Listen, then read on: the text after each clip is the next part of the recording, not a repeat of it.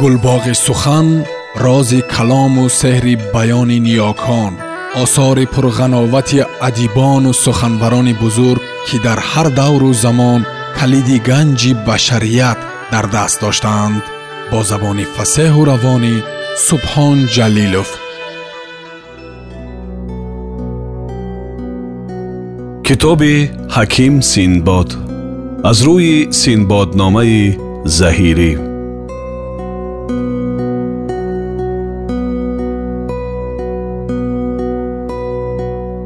ҳикояти вазири сеюм.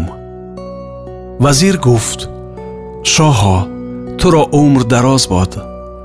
Бидон ки дар вилояти шом малике буд бо доду адл умри худро ба сар мебурд. Ӯро сомирӣ гуфтандӣ.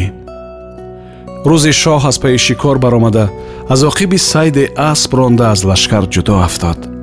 Баъд аз меҳнати бисьёр ба деҳае расид гузораш ба чаҳордеворе афтод дид даруни девор се духтар нишастанд. Ҳар кадом малоҳате ва саёҳате доранд. Хусусан аз онҳо яке нодираи замон ва яктои даврон. Ҳусн дар ҳар ҷо таҷаллӣ мекунад ку ишқ шуд. Ҷом агар парвона гардад шишаи ӯ равшан аст. Шоҳ соате гӯшу ҳуш дошт. Ҳар кадом сухане гуфтанд. Яке аз онҳо гуфт агар насиби ман чунон бошад ки шоҳи вилоят ба ақди худ дарорад ман ба як дег ош тамоми лашкари ӯро ош диҳам ки ҳама мамнун шаванд. Дигаре гуфт агар маро шоҳ ба ақди худ дарорад ман ба як манғуза тамоми лашкари ӯро пӯшиш диҳам он хубрӯи зебо гуфт шумоён дурӯғ мегӯед агар маро шоҳи ин вилоят дар ақди худ дарорад ман аз як шикам ду фарзанд таваллуд созам ки яке писари моҳрӯе бошад ки офтоб дар пеши ҷамоли ӯ хира монад ӯро кокул зар бошад. Нишони ҷаҳонгирӣ дар ҷабини ӯ ҳувайдо дигаре духтари чун моҳ ки дар ҳусн бо хуршед рақобат кунад. Чун лашкар ҳозир шуд фармуд ки он се танро ба ҳарам оварданд. Ҳар се танро ба ақди худ даровард. Баъд аз он яке аз онҳоро гуфт чунончи аҳд карда будӣ ки агар шоҳ маро дар ақди худ дарорад ба як дег ош лашкари ӯро сер созам. Акнун ҳунари худро бинамой ки туро аз барои ҳамин муддао гирифтам духтар гуфт эй шоҳ ҳаргиз имкон дорад ки чунин воқеае рӯй диҳад? Аз ваҷҳи он гуфтам ки шояд ту дар паси девор ин суханро бишнавӣ маро бонуи худ созӣ шоҳ аз ин ваҷҳ пушаймон хӯрда ӯро аз назар андохт ва ба духтари дуюм суол намуд ҳамон ҷавобро шунид ӯро низ аз назар андохт ба духтари сеюм гуфт он ду танро ба сабаби хилофи ваъдаи худ аз назар андохтам ту чӣ гунаӣ гуфт ман чунончи аҳд кардаам устуворам шоҳ он шабро бо вай ба сар бурд суҳбати ӯ шоҳро хуш омад аксар зиндагонии худро дар кулбаи ӯ гузаронид дар шиками ӯ осори ҳамл пайдо шуд гуфт шоҳо аз барои ман посбон бигузор ки маро душманон бисьёр аст худи шоҳ посбонӣ мекард вақте ки соати таваллуд қариб расид шоҳро зарурате рӯ дода аз он хона берун омад он ду зане ки қавли онҳо нописанд афтода буд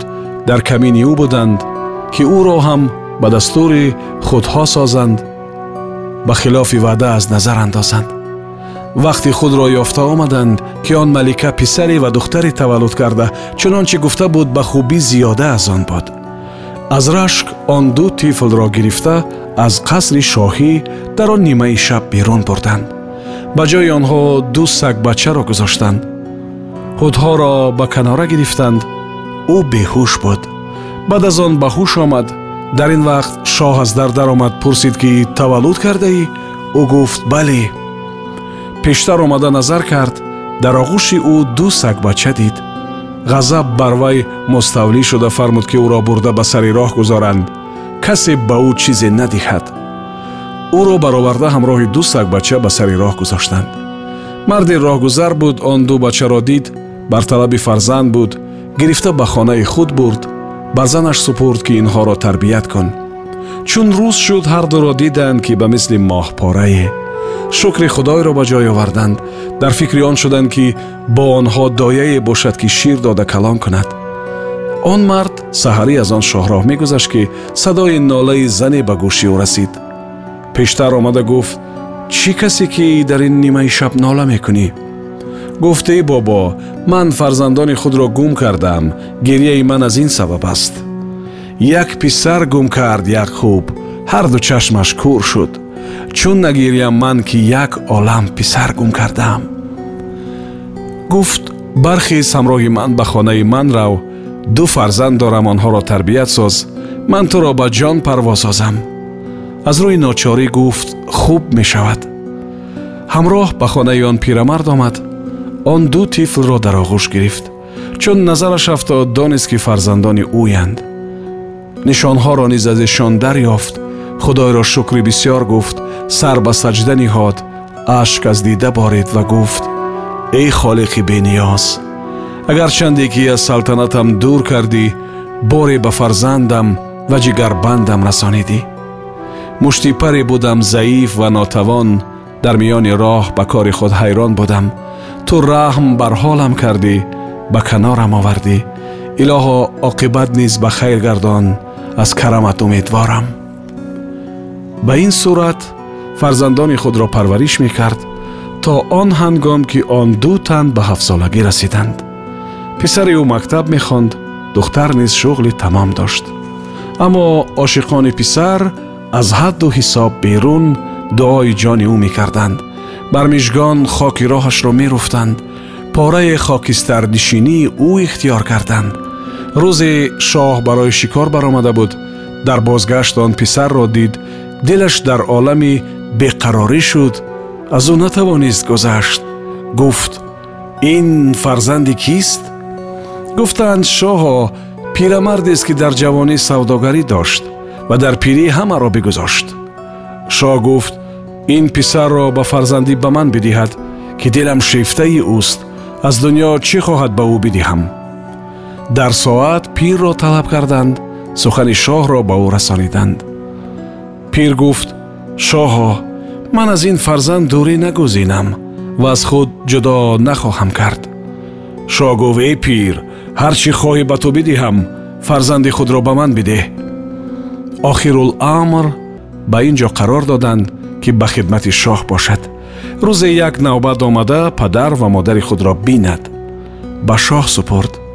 Шоҳ ӯро ҳамроҳи худ гирифта ба даруни ҳарам бурд ба тарбияти ӯ кӯшид муҳаббати шоҳ рӯз ба рӯз афзун мешуд ба ҷое расид ки тамоми муҳиммоти мулкро ба дасти ӯ гузошт худро тамом бекор сохт мардумон ҳасад бурданд бо ҳам аҳд карданд ки ба шоҳ арза доранд аз он мансабаш бекор кунанд яке аз он миён гуфт агар мехоҳед ки аз ӯ нишон намонад ӯро ба талаби мурғи зарин фиристонед ки ҳар касе ба талаби он мурғ рафтааст дигар наёмадааст умрест ки мардумон дар он водӣ ба ҳалокат расиданд асаре надиданд чун анқо маҳз номе ба олам мондааст.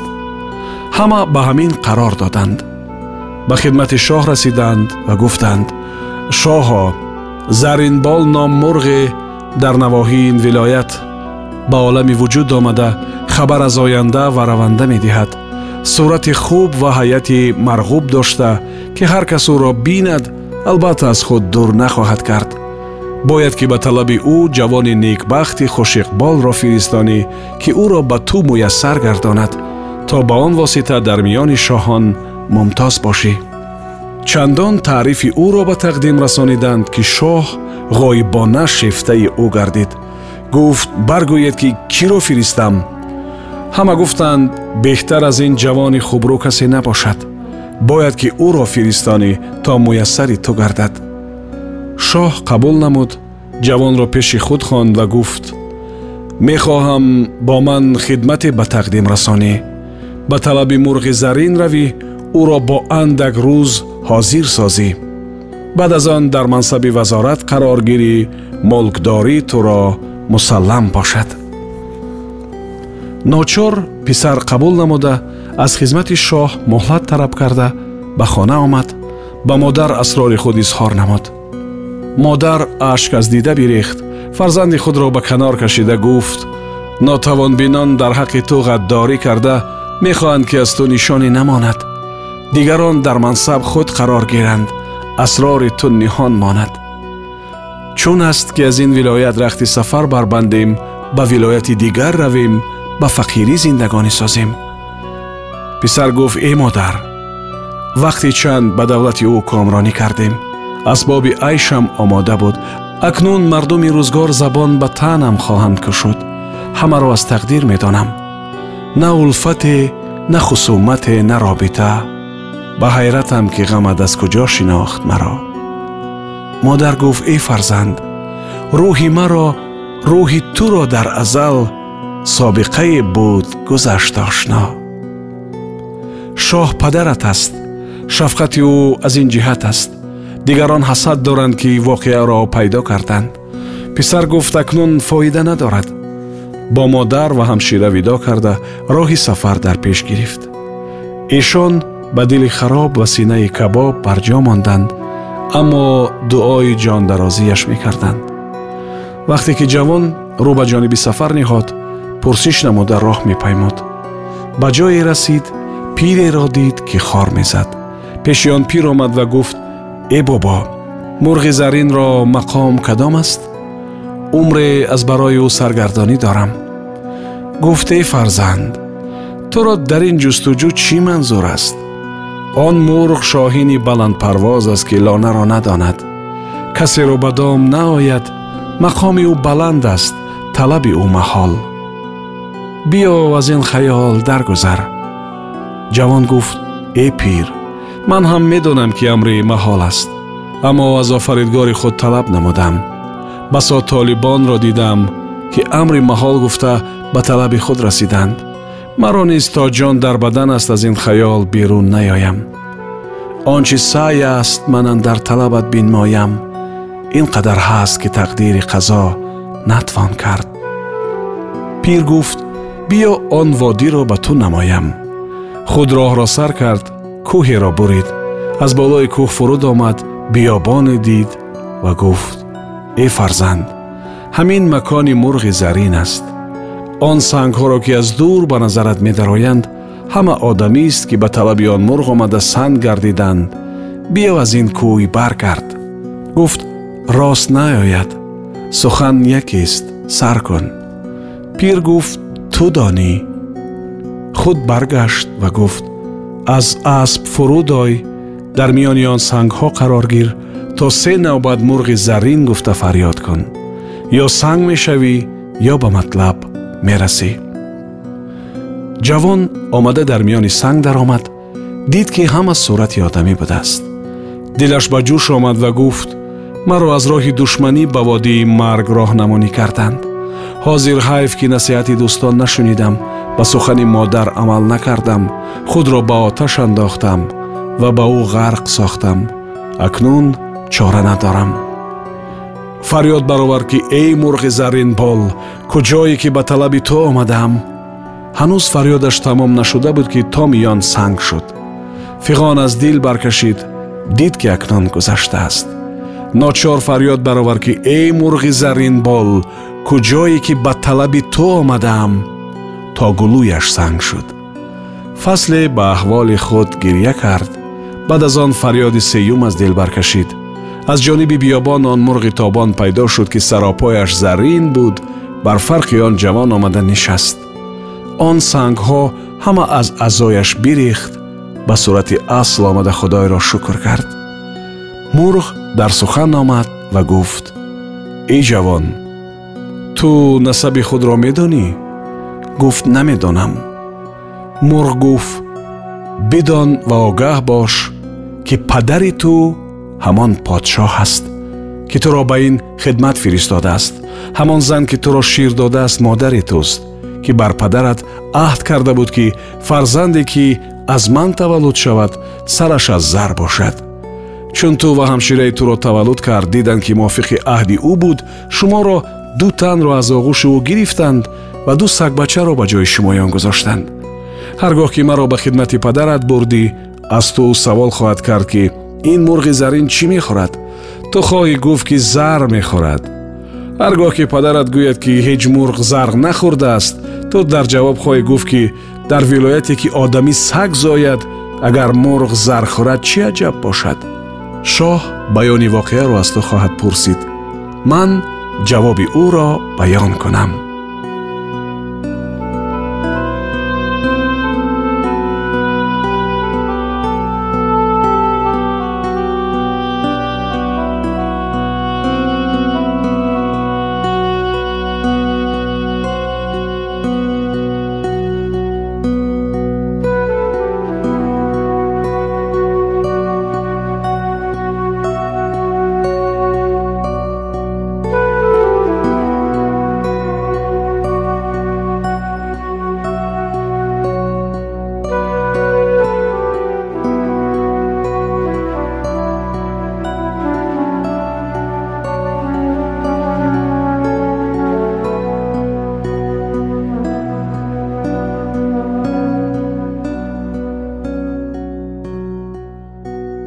сомиёни гиромӣ шумо пораеро аз китоби ҳаким синбод аз рӯи синбодномаи заҳирӣ шунидед идома дар барномаи дигар садо медиҳад